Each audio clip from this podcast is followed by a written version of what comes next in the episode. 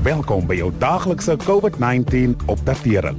Veral die nuus en wiskundige antwoorde om ingelig te bly. Saam sal ons dit klop. Aangebied deur die Departement van Gesondheid en SABC Radio. Ons COVID-statistiek het verlede week goed gebly. Die hoeveelheid nuwe COVID-19 gevalle wat aangeteken is, was 'n derde minder as in die vorige week. Niemand is egter immuun teen die virus nie. Verlede week het die president van die FSA, Donald Trump, positief getoets daarvoor. Hy is Vrydag gehospitaliseer, hoewel sy mediese span rapporteer dat hy goeie vordering maak. Van die mees waarskynlike redes hoekom hy en verskeie senior amptenare positief getoets het, was dat hulle aan groot openbare byeenkomste deelgeneem het, nie maskers gedra het nie en nie 'n sosiale afstand gehandhaaf het nie. Hierdie voorkomingsmaatreëls is noodsaaklik as ons onsself en die mense om ons wil beskerm. Om die verspreiding van die virus in Suid-Afrika hok te slaan, is daar tydens die eerste inperkingstydperk baie regulasies ingestel wat toe later aan stadig gelig is. Ongelukkig het van die regulasies 'n uiters nadelige effek op sekere dienste gehad, asook op mense se leefwyse. Een van die areas wat die swaarste daardeur getref is, is die vroeë kinderontwikkelingssektor. Alle dienste wat op vroeë kinderontwikkeling betrekking het, moes op die 18de Maart sluit. Na baie verwarring en frustrasie het die Gautengse Hooggeregshof besluit dat dit op 6 Julie kon heropen, solank daaraan verskeie gesondheids- en veiligheidsvereistes voldoen word. Die vereistes wat die regering ingestel het, was egter so ingewikkeld en duur dat byna 70% van die sentrums vir vroeë kinderontwikkeling tot op hede steeds gesluit bly.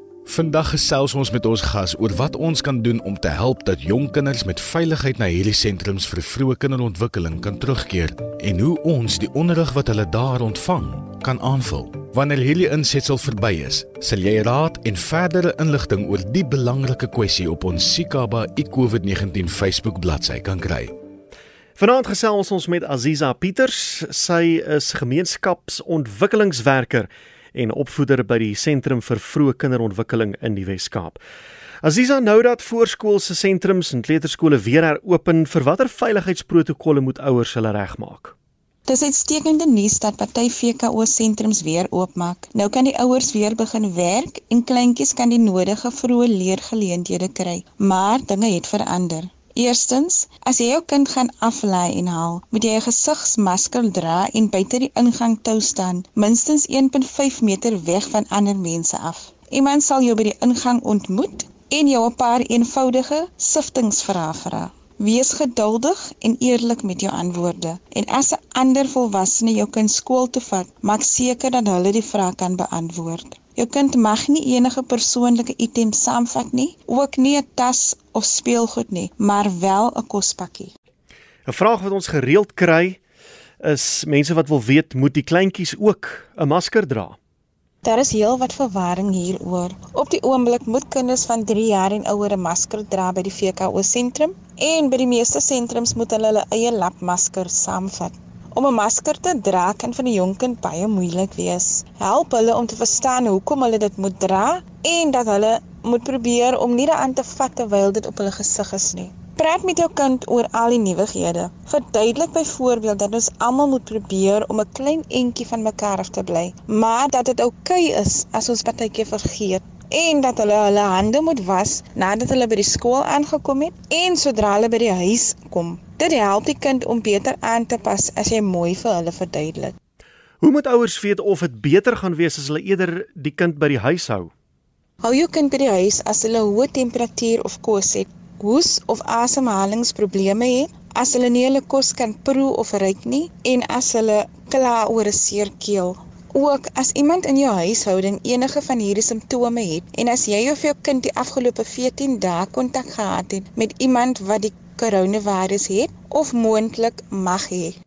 Maar nou weet ons ook daar's baie ouers wat vir 'n verskeidenheid redes nie hulle kinders wou of kon terugstuur voorskool toe nie. Hoe kan hulle hul kinders by die huis help leer?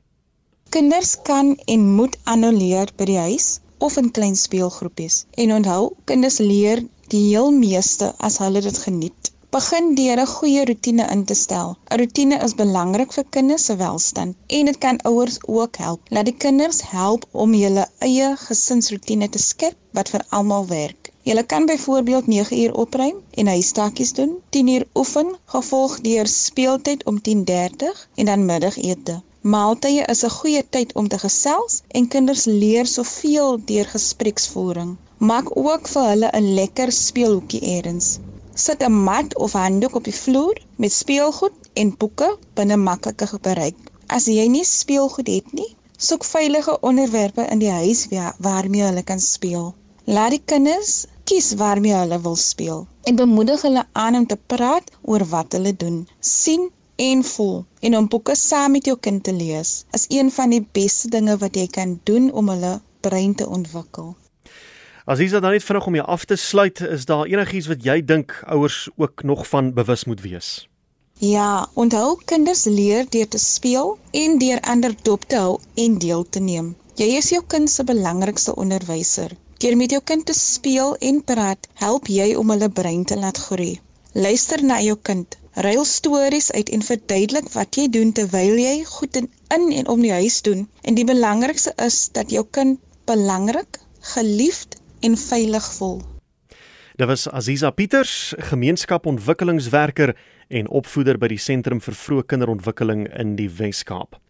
Jy kan gerus môre weer by ons aansluit in hierdie tyd geleef hier van kwart voor 6 af en dan gaan ons gesels oor alkohol en ander middele en ons gaan ook stres bespreek. Dankie dat u geluister het na die daaglikse COVID-19 inligtingstuk aangebied deur die Departement van Gesondheid en SABC Radio in samewerking met die Solidariteitsfonds. Wees veilig, bly gesond. Saam sal ons dit klop. Suid-Afrika.